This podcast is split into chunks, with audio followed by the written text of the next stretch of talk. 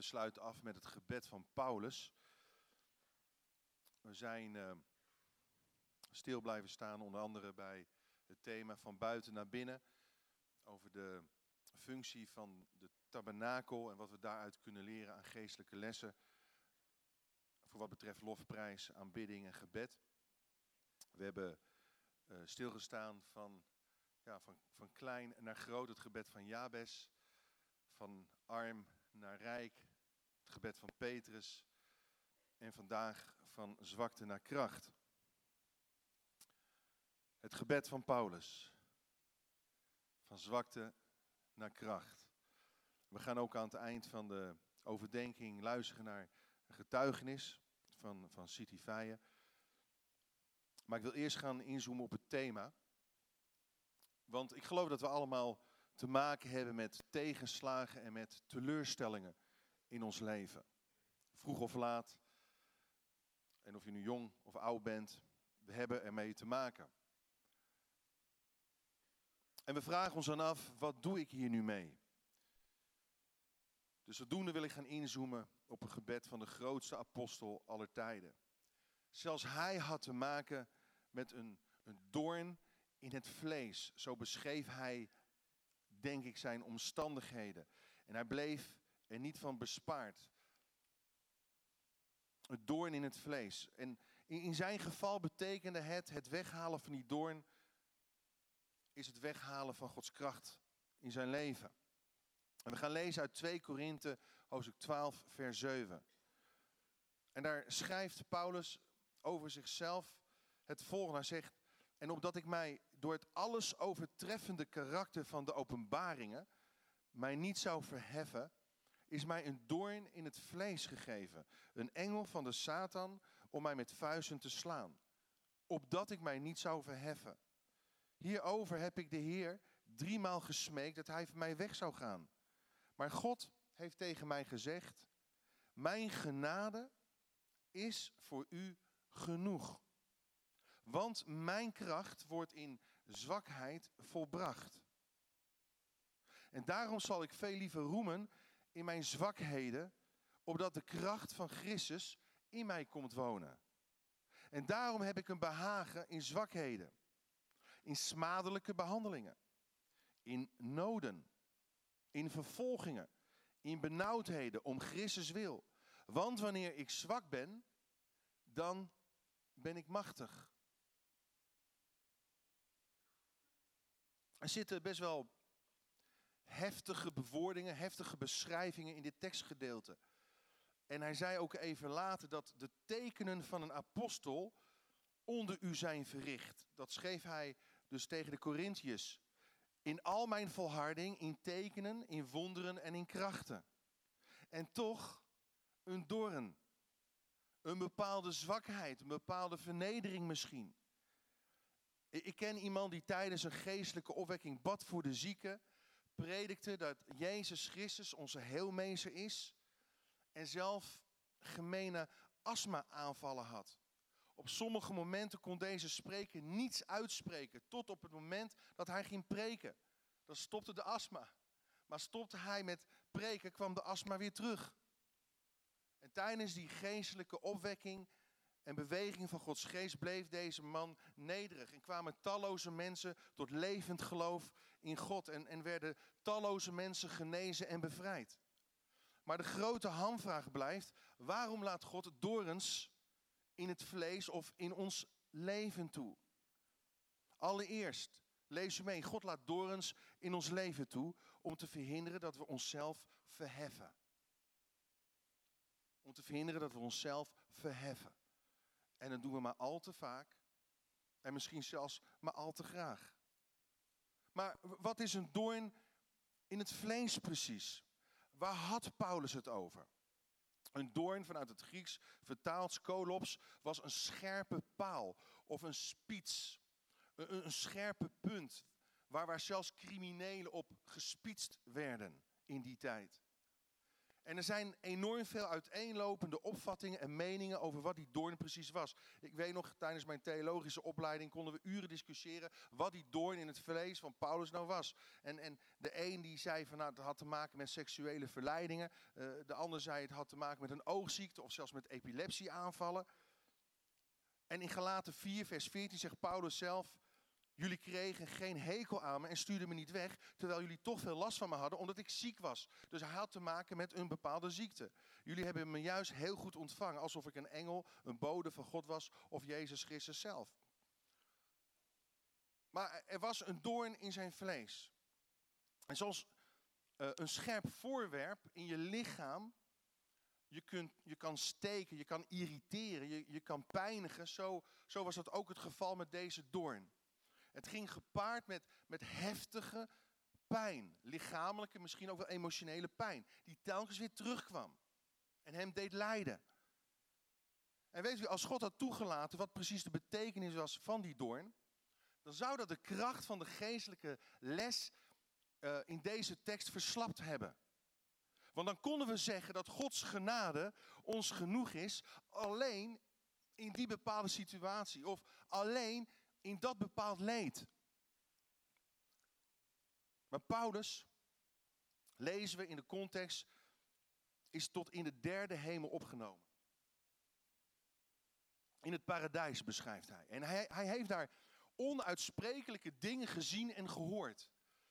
Allerlei openbaringen en visioenen die God hem gaf en geheimenissen.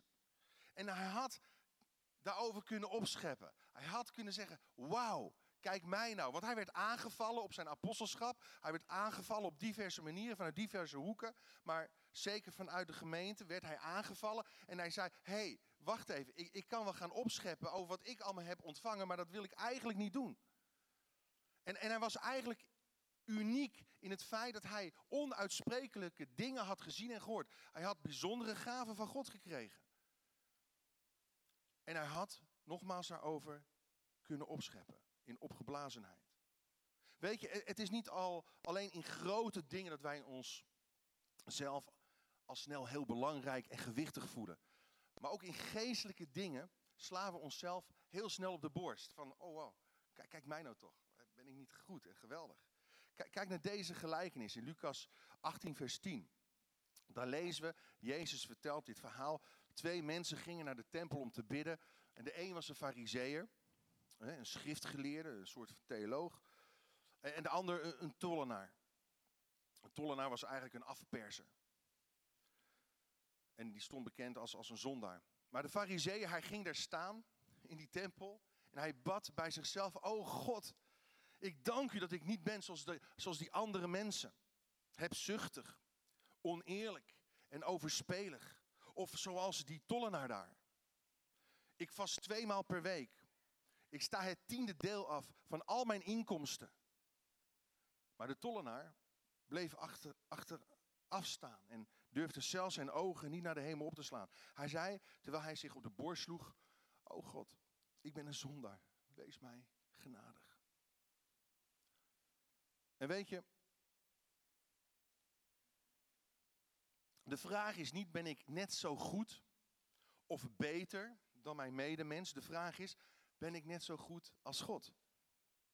Want de tollenaar, hij vergelijkt zichzelf met de heiligheid van God. En dat produceerde nederigheid in zijn hart. Hij durfde niet eens een blik naar de hemel te slaan. Zo onwaardig voelde hij zichzelf. En raad eens wie genade kreeg. Raad eens wie, wie de gunst van God mee naar huis nam. Jezus zei toen de twee mannen naar huis gingen, was de tollenaar bevrijd van zijn schuld, maar de fariseeën niet. Want God zal iedereen die zichzelf geweldig vindt, onbelangrijk maken. En juist mensen die zichzelf niets waard vinden, die zal God belangrijk maken. Weet je, trots en hoogmoed in het leven van de mens is een dodelijk virus. En soms is er een, een doorn nodig als antigif. Of om te dienen als een morele balans in je leven. Zelfs aan het eind van de loopbaan van Paulus, van zijn bediening, zegt hij, lees mee, dit is een getrouw woord. En dit is alle aanneming waard. Dat Christus Jezus in de wereld gekomen is om zondaren te behouden. onder welke ik een eerste plaats inneem. Onder welke ik een eerste plaats inneem. Dus hij ging zich niet verheffen boven andere mensen. Hij ging naast andere mensen staan. Zelfs zei hij, onder welke ik de eerste plaats inneem als het gaat om zondaren. Want ik heb de gemeente van God vervolgd voordat ik tot geloof kwam. Maar God laat dus door eens in ons leven toe om, om ervoor te zorgen dat we onszelf niet gaan verheffen. En ten tweede, God laat door ons in ons leven toe, zodat we volledig afhankelijk zijn van Zijn genade. Zodat we compleet leunen op Zijn onverdiende gunst aan ons bewezen. En door het gebed zien we vaak God antwoorden. En God antwoordt altijd gebed. Alleen God antwoordt niet altijd ons gebed zoals wij dat willen. En hier zien we Paulus driemaal bidden, zodat die doorn in zijn vlees weggehaald zou worden. Op drie verschillende momenten of tijdstippen had hij gepleit voor verlichting. En dan gaat God spreken. Kijk, die doorn is er niet omdat Paulus geen geloof genoeg heeft. Of omdat hij een geheime zonde in zijn leven heeft. Maar die doorn is hem gegeven omdat God wil laten zien dat zijn genade alles en elke situatie in ons leven overtreft. Daarom wordt hier niet duidelijk uitgelegd wat die doorn precies inhield. Vanuit de context, de directe context, zouden we het wel kunnen interpreteren en opmaken. Maar het is genade die Paulus bekwaam maakt om deze last te dragen. Met het resultaat dat hij veel vrucht draagt. Dat hij tot zegen is. Weet je, genade blijft als een generator stroom toevoegen in zijn leven. En zo stroomde Gods genade door zijn leven in elke situatie, ook in zijn lijden en in zijn pijn heen. Mijn genade is genoeg. Zegt God ook tegen jou vanmorgen.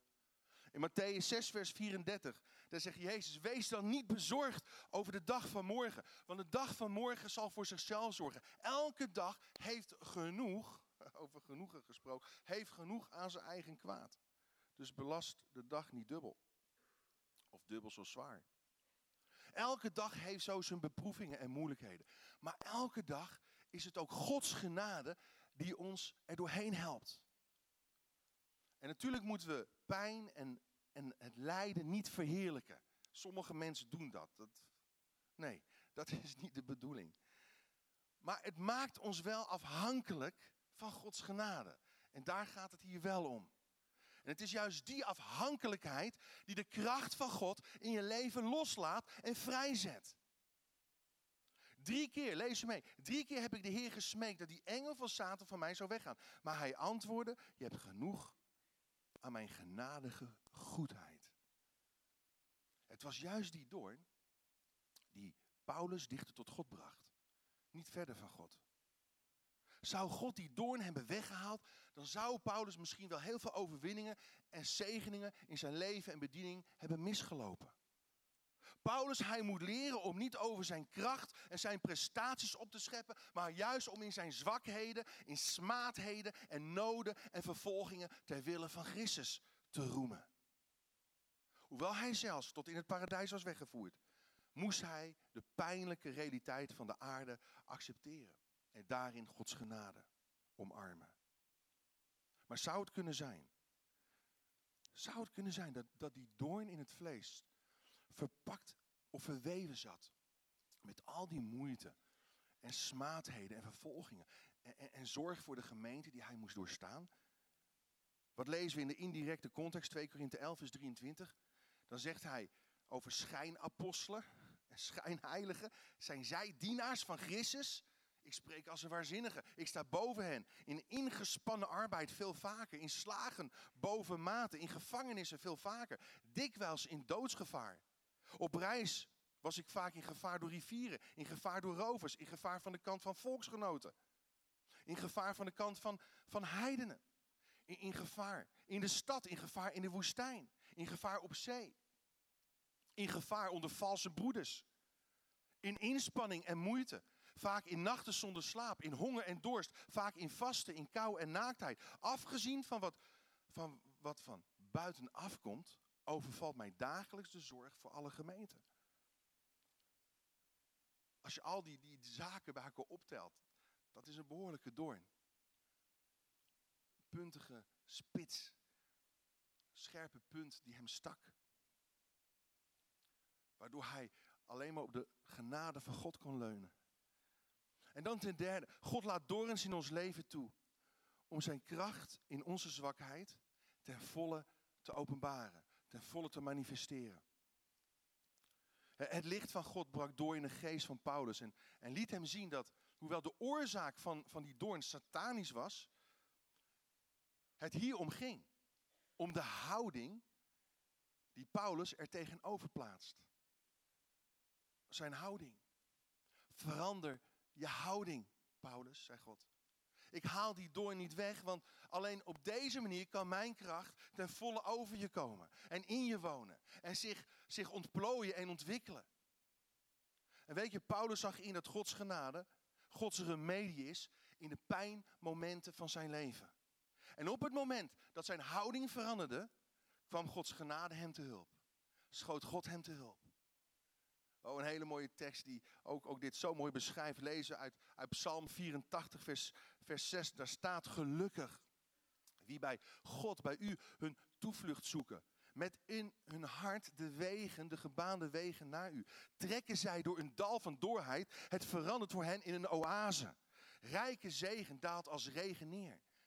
Steeds krachtiger gaan zij voort om in Sion voor God te verschijnen. Wauw trekken zij door een dal van doorheid.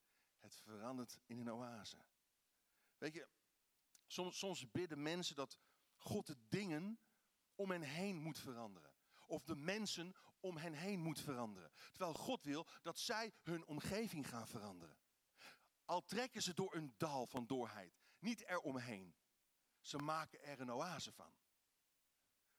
Maak jij van je omgeving, je leefomgeving, een oase al is het een dorre woestijn. Misschien zijn er in je gezin of op je werk dingen die, die haast onverdraagbaar zijn, die pijnlijk zijn, die moeilijk zijn. Je ziet misschien boze machten aan het werk in degene die je lief hebt. Of je zit in een financiële crisis. Of je ervaart weerstand op je werk vanwege je geloof of op school. En al die problemen. Waarom haalt God ze niet weg? Waarom doet God er niks aan? Omdat God de prikkels van de zonde in je eigen hart wil weghalen. Je ergernissen. Je onverdraagzaamheid. Je bitterheid. Je eerzucht. Je hebzucht. Oftewel, onze oude mens moet gekruisigd worden. Zodat wij in nieuwheid van leven gaan wandelen. Niet meer ik leef, zei Paulus, maar Christus leeft alleen nog in mij. Door het geloof. Weet je, dat is ook een heel mooi beeld van de doop. Want, met Christus zijn we mede gekruisigd. Dat laten we zien door die waterdoop. Zodat we in nieuwheid van leven zouden gaan staan en zouden gaan leven en wandelen met Hem.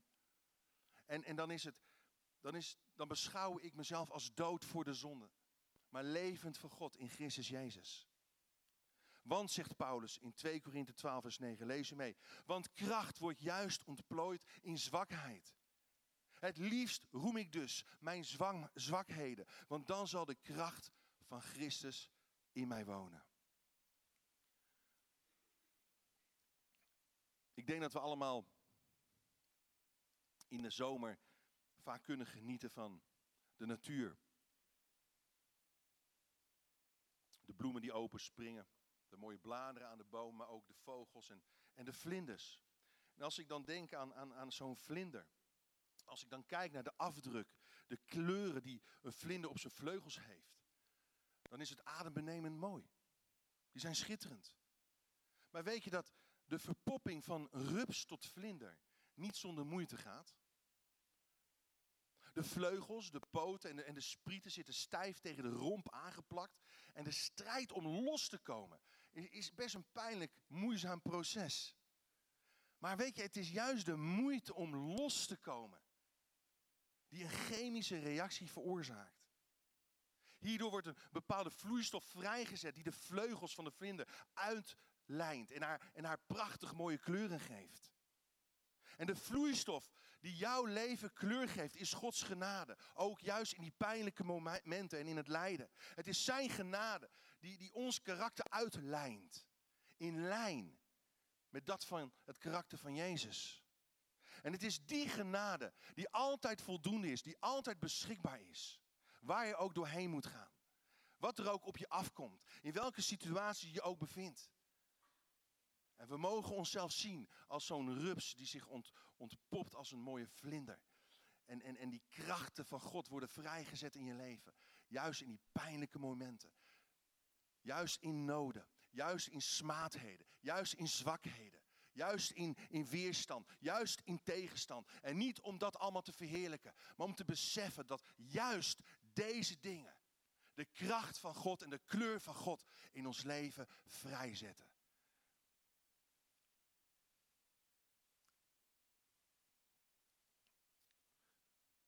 Ik wil, ik wil eigenlijk op dit moment de gelegenheid geven aan, aan City om, om iets te vertellen waar zij doorheen gaat. Aansluitend op dit thema en onderwerp. En ik denk dat het goed is om haar even een aanmoedigend applaus te geven. Ja?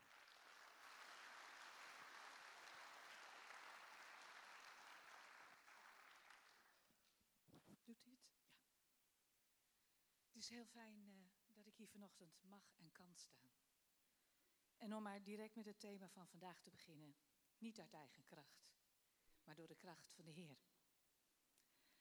Afgelopen uh, augustus viel het bevolkingsonderzoek voor darmkanker in de brievenbus. Ik heb het pakketje opgestuurd in de verwachting dat het net als de vorige keer goed zou zijn. Helaas bleek het niet goed te zijn en ik werd uitgenodigd voor een intakegesprek. Ach, vast een aanbij of poliepje, dacht ik nog.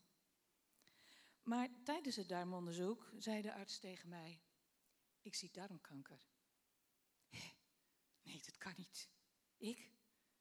Mensen die mij kennen weten dat ik altijd bezig ben met gezond eten, biologisch, vegetarisch, genesis dieet. En daarnaast fietsen, wandelen en altijd druk bezig. Kijk maar, zei de arts. Ik zag op de monitor inderdaad dat het niet goed was. Je voelt je gezond, maar toch darmkanker. Hoe kwetsbaar blijkt het leven dan te zijn? En daarna volgen er verdere onderzoeken naar mogelijke uitzaaiingen. Ja, en dan moet je het je kinderen vertellen.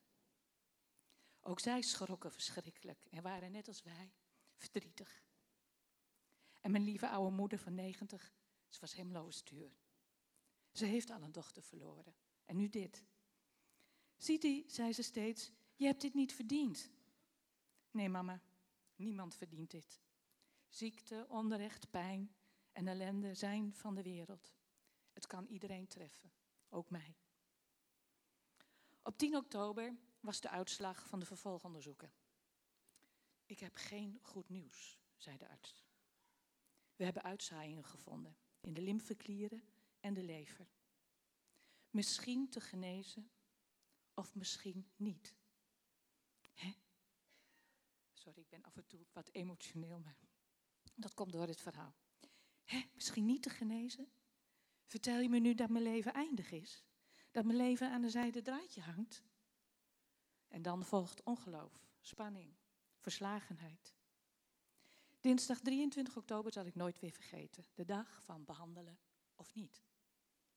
Ik ben zelden zo zenuwachtig geweest als toen. We gaan behandelen, zei de chirurg. Het was het eerste wat hij zei. Ik kon die man wel zoenen. Yes, behandelen. Er is een mogelijkheid tot genezing. Deze chirurg durfde het aan. En ik dank God nog elke dag dat ik deze chirurg heb getroffen. Het gaat een lang en onzeker en zwaar traject worden, zei hij. Prognose voor over vijf jaar, 50, misschien 60 procent van de patiënten is dan nog in leven. Vervolgens komen er afspraken met een oncoloog en de chemo en de radioloog voor de bestraling en in een later fase de chirurg voor twee operaties. Oeps, een lang en zwaar traject, wat inmiddels gestart is. En dan staat je leven stil. Je zit thuis. En langzamerhand dringt op me door wat er aan de hand is. Kanker met uitzaaiingen. 50% kans om te overleven. Ernstig ziek. Ik voel me strijdvaardig. We gaan er tegenaan. Maar ook heel moe en verdrietig. God, ik wil zo graag mijn kinderen en kleinkinderen zien opgroeien. Bezig zijn in uw koninkrijk. En samen met Jan oud worden. Ik heb uitgeroepen naar God. Heer, ik heb nog zoveel dingen te doen voor u. Zoals altijd heeft iedere gebeurtenis twee kanten. Een donkere, maar ook een lichte kant. Niet alleen wij waren geschrokken, maar velen met ons. Tot de dag van vandaag is er geen dag voorbij gegaan of er liggen lieve, bemoedigende kaartjes in de brievenbus. Bossen bloemen zijn gebracht of bezorgd. Kaarsjes, theetjes, boeken, ga zo maar door. Zoveel warmte, zoveel liefde. Appjes en bezoeken. Kan ik wat voor je doen? Zeg het maar. Zoveel lieve mensen. Hartverwarmend. De 37 zusters in de gemeente, die mij steeds verrassen met verwendingen, zoals een lekker gehaakte warme deken enzovoort. Sorry. Bedankt, zussen. Hij is heerlijk warm. En uiteraard het belangrijkste, het gebed. Er zit zoveel kracht in het gezamenlijk gebed. Als Jan of ik het even niet kunnen, dan weten we dat er door anderen voor ons gebeden wordt. Het is een soort ketting, stel ik me zo voor, zo'n soort ketting naar God toe. En gezamenlijk gebed geeft kracht. Toen ik door Gelske gevraagd werd om mee te zingen in het koor van kerst, was ik meteen enthousiast. Ik hou van zingen en speciaal van kerstliedjes. Door de behandelingen heen kon ik niet altijd bij de repetities zijn. Oh, geen probleem hoor, vond iedereen. Kijk maar hoe ver je komt. Al zou je alleen maar mee oefenen en er plezier aan beleven. Het is zo fijn stijl mensen, die koorleden. Dank jullie wel. En mijn doel was met kerst zingen voor God. The great I am. Om Hem te loven en Hem te prijzen. En zondagmiddag voelde ik me niet goed. Ik kreeg last van mijn duimen en ik dacht, oh jee, het gaat niet lukken. Hoezo niet lukken? was mijn volgende gedachte. Paulus zegt dat hij kracht krijgt in zwakte. En ik heb tegen God gezegd, Heer, ik voel me zwak. Net als Paulus. Maar door uw kracht gaat het lukken. En het is gelukt. Door de kracht van de Heilige Geest. Dank aan de Heer. En Paulus had een doorn in zijn vlees. Hij ontving kracht in zijn zwakte. En misschien zitten er hier ook mensen die een doorn in hun vlees ervaren.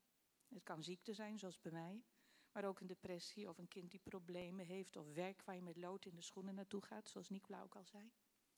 En net als Paulus mogen jij en ik ervaren dat we kracht van God in onze zwakte mogen ontvangen door zijn Heilige Geest.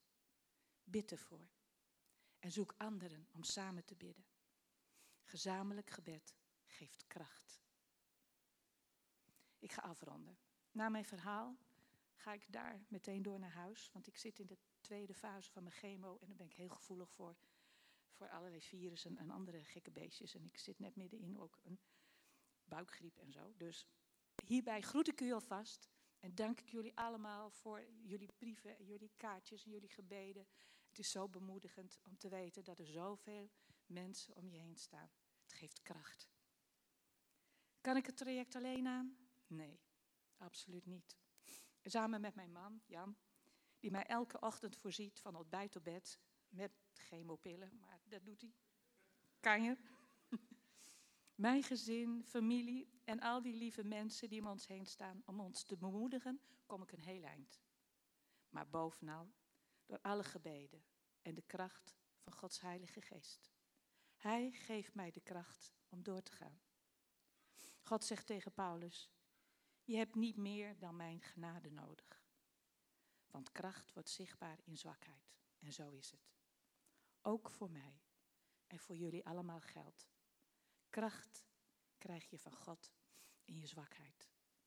En zijn genade is meer dan genoeg. Amazing grace. Dank jullie wel.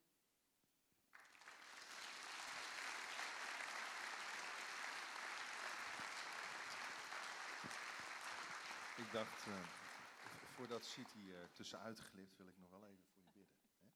Ook als gemeente zullen we gaan staan. Ja, Heere God, ik wil u zo danken, Heer, voor het feit dat u altijd bij ons bent. Dat u ons draagt ook in die moeilijke omstandigheden. En door die valleien heen, door die periode van, van, ja, van droogte heen, kunnen we toch in ons hart een oase van uw geest, van uw liefde, van uw genade ervaren. Heer, dank u Heer dat, dat mag ervaren dat u ook haar heelmeester bent. En dat we mogen blijven bidden om genezing, om uitreddingen, om, om bevrijding. Heer, dank u wel Heer dat, dat u ons blijft verlossen door uw kracht en blijft opzoeken om ons omhoog te tillen. Zo bid ik u, Heer, wilt u haar lichaam aanraken. Heer, wilt u haar helen. Heer, dank u wel dat, dat u de God bent die wonderen verricht tot op vandaag de dag. Heer, werk ook zo door alle kuren heen. Heer, de behandelingen die ze ondergaat. Heer, wilt u haar, haar echt optillen in die situaties, Heer. Heer, dank u wel voor uw goede zorg. Uw genadige goedheid. Heer, zo wil ik haar zegenen met leven, met vrede en met gezondheid. In Jezus' naam. Wees zo gezegend.